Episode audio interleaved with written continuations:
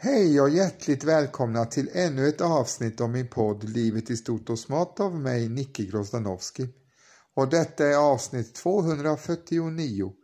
Och vi ska i detta avsnitt sitta efter bekantskap med författarinnan Moa Mattisson som egentligen hette Helga Maria Mattisson och föddes Svarts.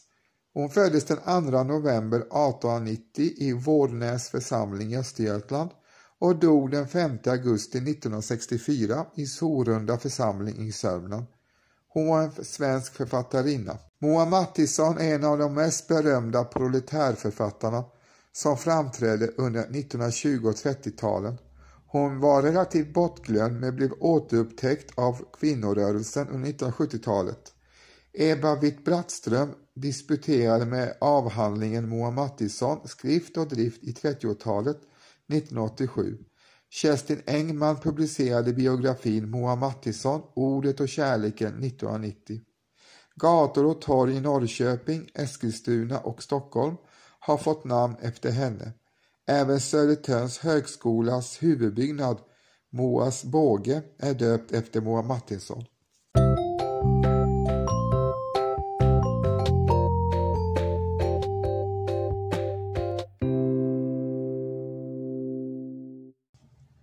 Moa Martinsson föddes i Vålnäs socken nära Linköping. Hon fick namnet Helga Maria. Hennes mor Kristina Svarts var en 19-årig ogift piga som blev tvungen att lämna sin dotter hos sina föräldrar och när morfadern gått bort hos olika fosterföräldrar. Enligt en artikel i Östgöta genealogiska förenings medlemstidning ÖGF-lövet nummer 101 som kom ut i maj 2010 var Mattissons far troligen Anders Theodor Andersson Lundin och föddes 1863 och anställd vid Motala verkstad. Efter ett par år flyttade modern till Norrköping och började arbeta på fabrik. År 1895 gifte modern sig med Alfred Karlsson och kunde därmed ta flickan till sig. Moa Mattissons styvfar arbetade på olika gårdar och i hamnen. Familjens ekonomi var mycket dålig bland annat till följd av styvfaderns alkoholproblem. Och som en följd av detta fick man ofta flytta. Martinssons skolgång blev sporadisk på grund av de ideliga flyttarna. Under sommaren 1906 arbetade Martinsson på den stora konst och industriutställningen på Syltenberget i Norrköping. I romanen Kungens rosor från 1939 berättar hon om denna period. På hösten 1906 fick hon en utbildningsplats på en restaurang i Stockholm och började därefter arbeta som kallskänka runt om i Sverige. Mattissons barndom var fattig. Detta var något som kom att spela mycket stor roll i hennes författarskap.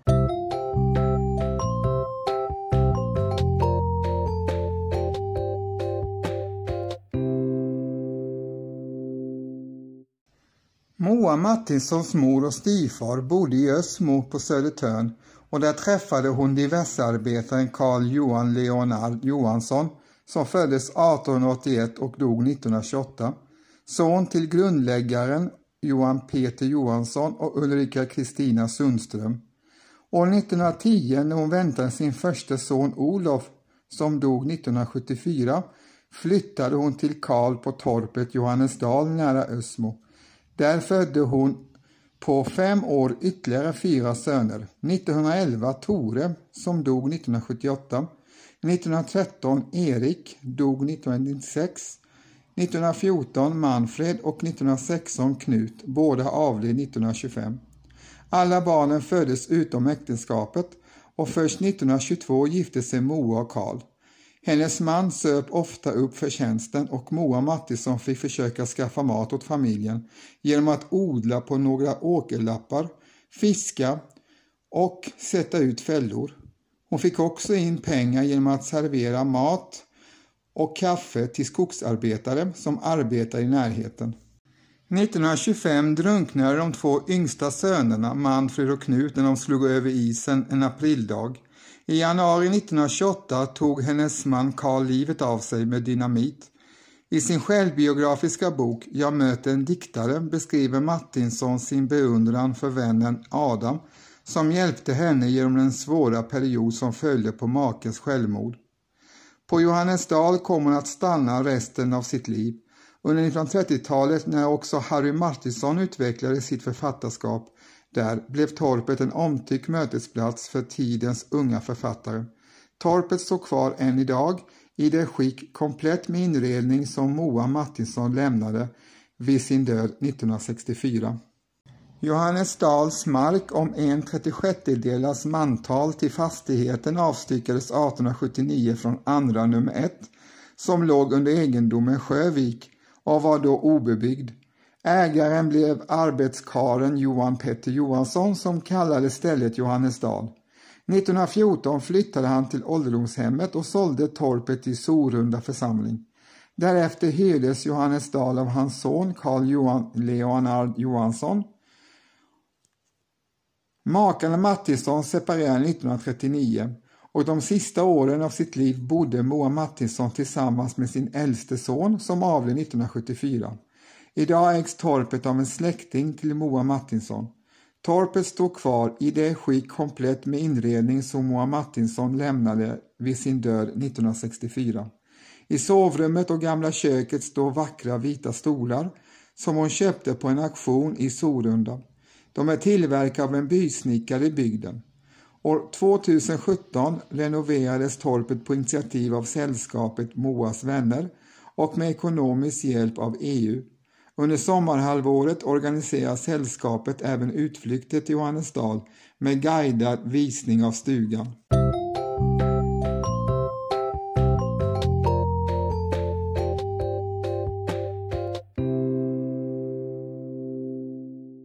Arbetarlitteratur, även kallad för proletärlitteratur, är litteratur skriven av arbetare eller av författare med arbetarbakgrund och som skildrar arbetarklassens levnadsvillkor. I vidare bemärkelse kan begreppet arbetarlitteratur även avse skönlitteratur som behandlar arbetarnas livsbetingelser oavsett författarens sociala härkomst. Utmärkande för proletär och arbetarlitteraturen är dess idéinnehåll och dess ideologiska förankring i kommunismen, syndikalismen, socialismen eller socialdemokratin. Många av arbetarförfattarna är autodidakter. I Sverige avsåg man tidigare med benämningen arbetarförfattarna de författare ur arbetarklassen som trädde fram på den litterära scenen under 1920 och 1930-talen. Eyvi Jonsson, Rudolf Wernlund, Moa Martinsson, Ivar Lo Johansson med flera. Idag används benämningen arbetarförfattare även om senare tiders författare med arbetarbakgrund som i sina verk skildrar sin miljö. Nutida svenska arbetarförfattare är bland andra Elsie Johansson, Aino Trossell, Kjell Johansson och Johan Jönsson.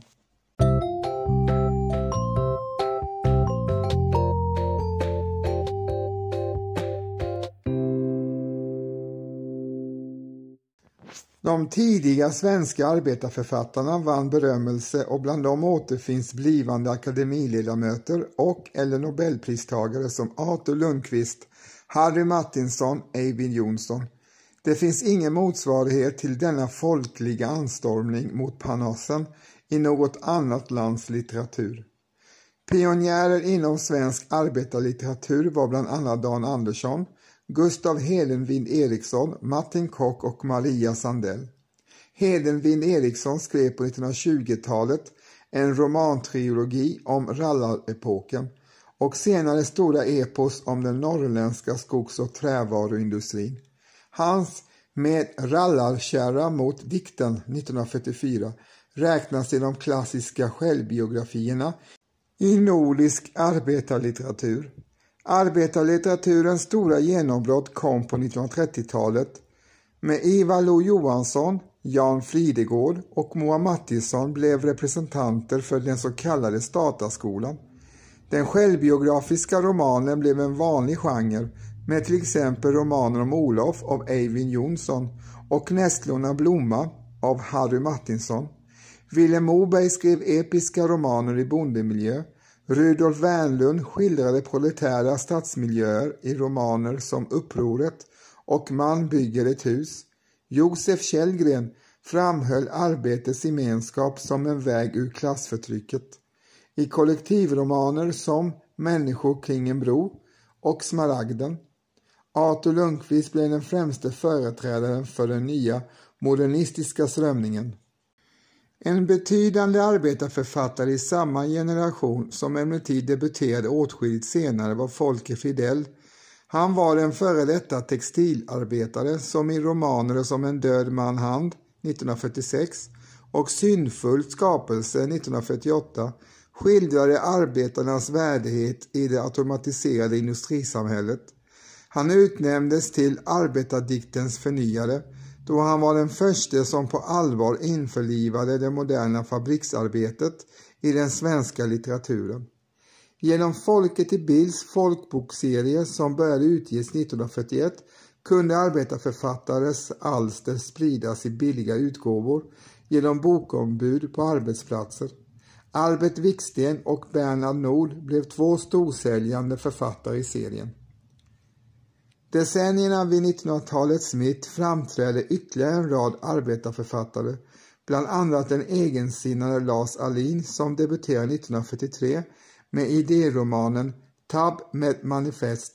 Sara Lidman kom ut med sin första roman Kärdalen 1953 och bondsonen Åke Wassing som debuterade 1958 med den självbiografiska Dödgrävarens pojke Per-Anders Fogelström gav ut Mina drömmars stad, första delen i hans Stockholmsserie 1960 och poeten Sonja Åkesson fick sitt genombrott 1963 med diktsamlingen Husfrid.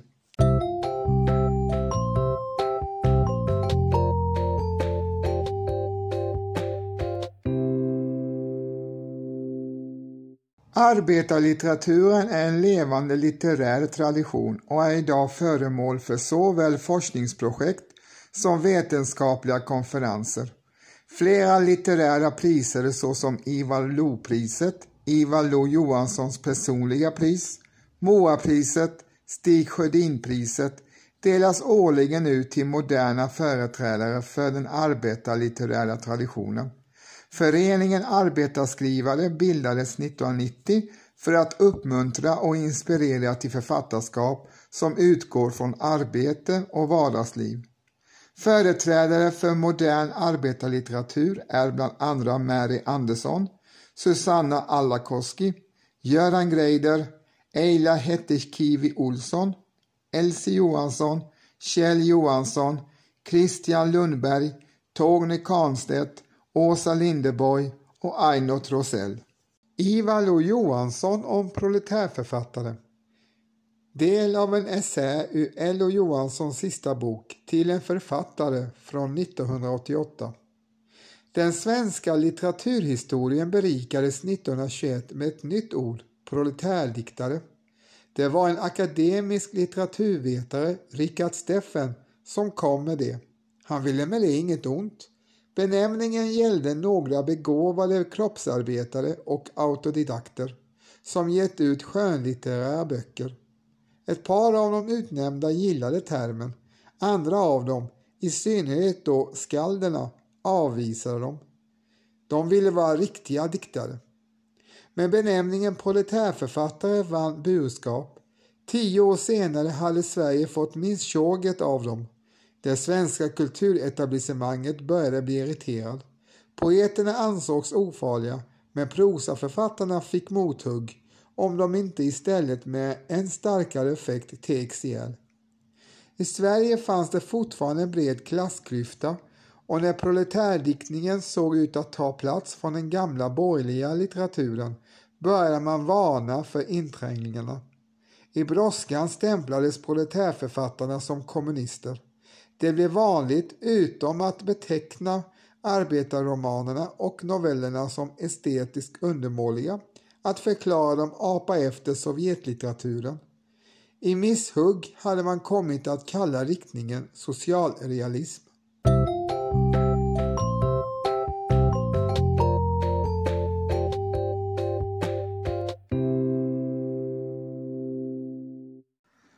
Moa Martinsson hade börjat skriva redan i tolvårsåldern. Hon var också mycket politiskt intresserad, identifierade sig som syndikalist och fungerade som kassör i Nynäshamns lokala samorganisation, LS av SAC.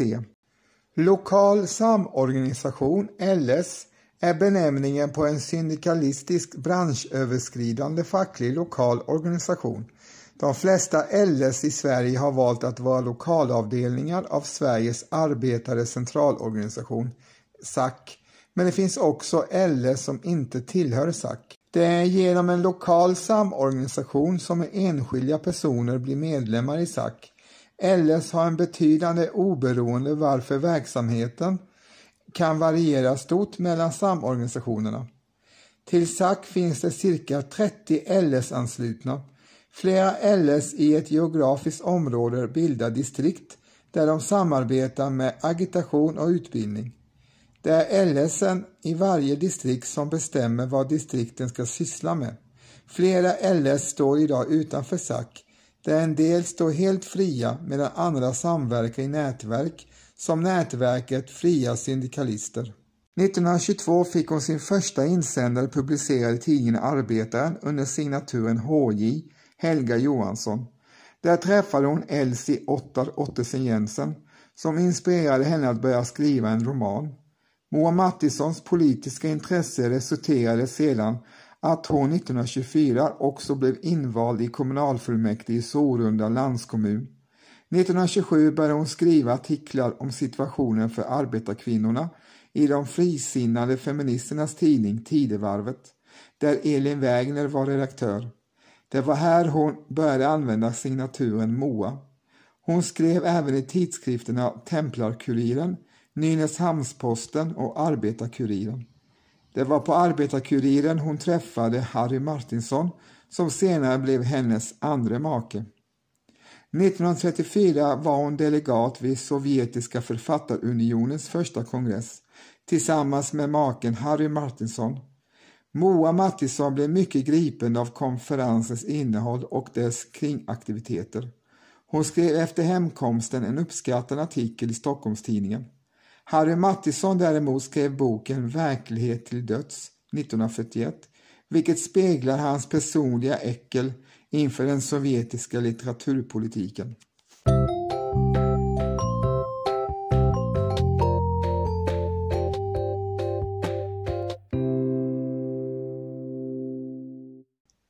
Den syndikalistiska dagstidningen Arbetaren publicerade sig Moa Mattisson för första gången den 1 november 1922 med artikeln Kvinnan och syndikalismen under rubriken Kvinnan och hemmet.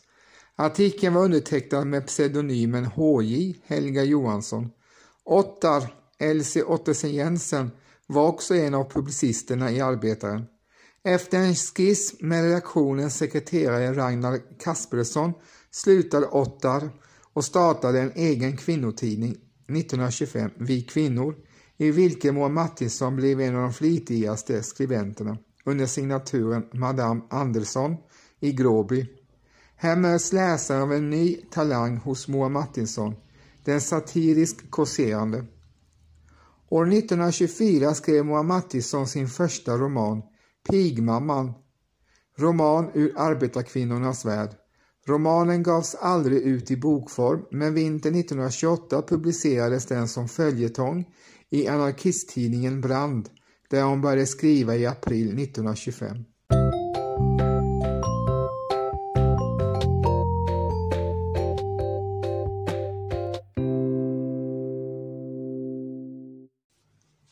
Moa Mattissons mest kända verk är den självbiografiska trilogin om Mia Mor gifte sig 1936, Kyrkbröllop 1938 och Kungens rosor 1939. Romansviten bygger delvis på följetongen Pigmamma hon skrev 1928 till 1929 för tidskriften Brand. I böckerna berättar hon osentimentalt om händelser i Norrköping runt sekelskiftet. Hennes stil var spontan och nyckfull och hennes böcker kännetecknas av humor och socialt patos. Ett återkommande tema är vänskap mellan kvinnor. Bland hennes senare verk märks de historiska romanerna om bondelivet i Östergötland, Vägen under stjärnorna 1940, Brandliljor 1941. Den så kallade Betty-serien bygger på hennes egna år som mamma och ensamförsörjare på torpet Johannesdal. Moa Mattisson har skarpa skildringar av klassamhället i sina verk. Hon bidrog till att få läsarna att förstå klassamhällets mekanismer. Liksom andra arbetarförfattare kom Martinsson från väldigt fattiga omständigheter och hade inte så hög utbildning, men lyckades ändå uppnå hög status i sin tid och nå ut till folk.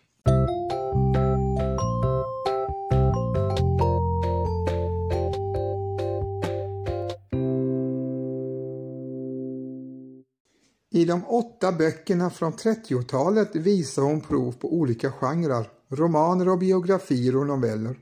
Moa Martinsson hade själv ett mödosamt liv, vilket hon skildrar i böckerna på ett realistiskt sätt, och man anar att det hon skriver är självbiografiskt.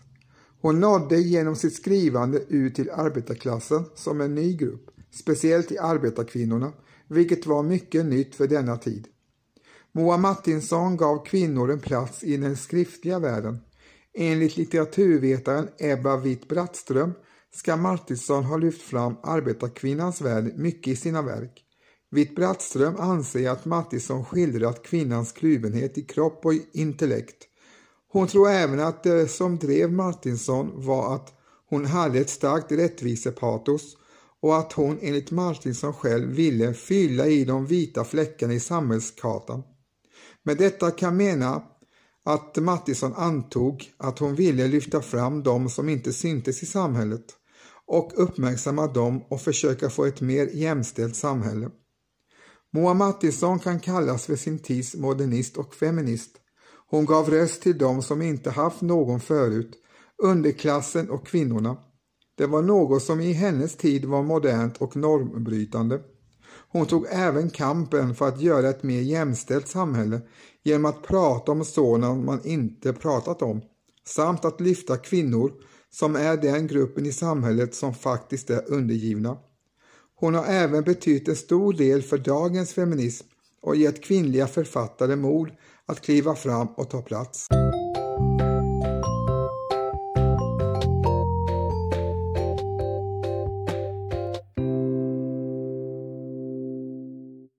1928 hade hon träffat författaren Harry Martinson och de gifte sig borgerligt den 3 oktober 1929. De bodde kvar på torpet Johannesdal. Äktenskapet var till en början lyckligt och de inspirerade varandra i skrivandet. Men Harry var otrogen och separation följdes av återförening. Han lämnade henne slutgiltigt efter en sjukhusvistelse 1939. På vintern 1940 ansökte hon om skilsmässa och äktenskapet upplöstes 1941. Ivar Lo Johansson, som var god vän till bägge, skildrade deras äktenskap i Tröskeln från 1982. Moa Mattisson avled 1964 på behandlingshemmet Lövstalund och är begravd på Sorunda kyrkogård.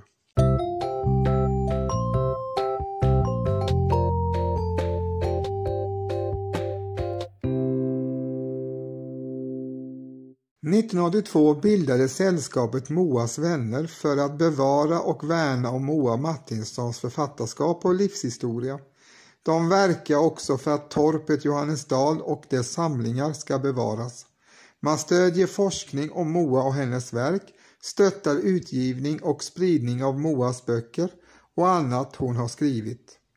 Det årliga Moapriset delas ut av sällskapet Moas vänner i samarbete med ABF Stockholm.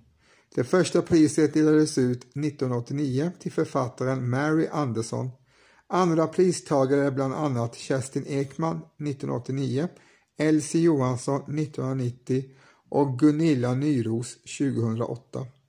Filmatiseringar 1974 gjordes tv-filmen Rågvakt baserad på romanen med samma namn i regi av Göran Boman och med Kristina Evers i huvudrollen som Karin. 1979 gjordes tv-serien Mor gifter sig baserad på romanen med samma namn regisserad av Per Sjöstrand med Gurien Nordvall som modern, Hans Wigren som styvfadern och Nina Ullerstam som Mia. 1986 gjordes spelfilmen Moa om Martinssons liv regisserad av Anders Wahlgren och med Gunilla Nyros i titelrollen. 2019 gjordes dokumentärfilmen Moa Mattisson, Landsmodern, i regi av Maj Wexelman och i samarbete med Ebba Witt Brattström.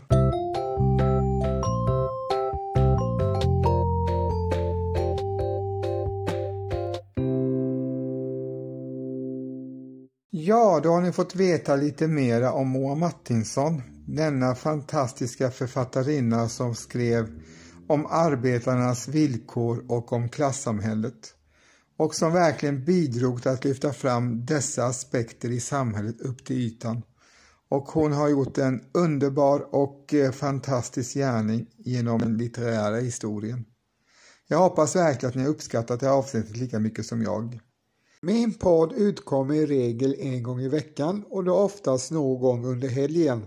Men det kan även förekomma under andra tillfällen under veckan beroende på hur min agenda ser ut för respektive vecka och när jag har möjlighet att eh, spela in nya avsnitt. Och för att inte du som eh, lyssnare ska missa när jag släpper nytt så prenumerera gärna på min podd Livet i stort och smått så missar du inte när jag släpper nya avsnitt. I avsnittets början fick ni höra Carl Michael Bellman och hans fjäril Vingar syns på Haga, även kallad för Fredmans sång nummer 64 och som avslutning från Hörargruppen höra Gotthard med Par Deus. Slutligen vill jag tacka dig som har lyssnat på avsnittet och vill du stödja podden ekonomiskt så swisha gärna ett valfritt bidrag till 073 358 61 43. Och detta är helt frivilligt och eh, väljer du att inte göra det så är jag lika glad för det. Jag är glad att du lyssnar på det här avsnittet. Och eh, fortsätt gärna lyssna på min podd så blir jag extra glad för det. Tack än en gång för att ni lyssnade och eh, önskar er en god fortsättning och ha det bra. Hej då!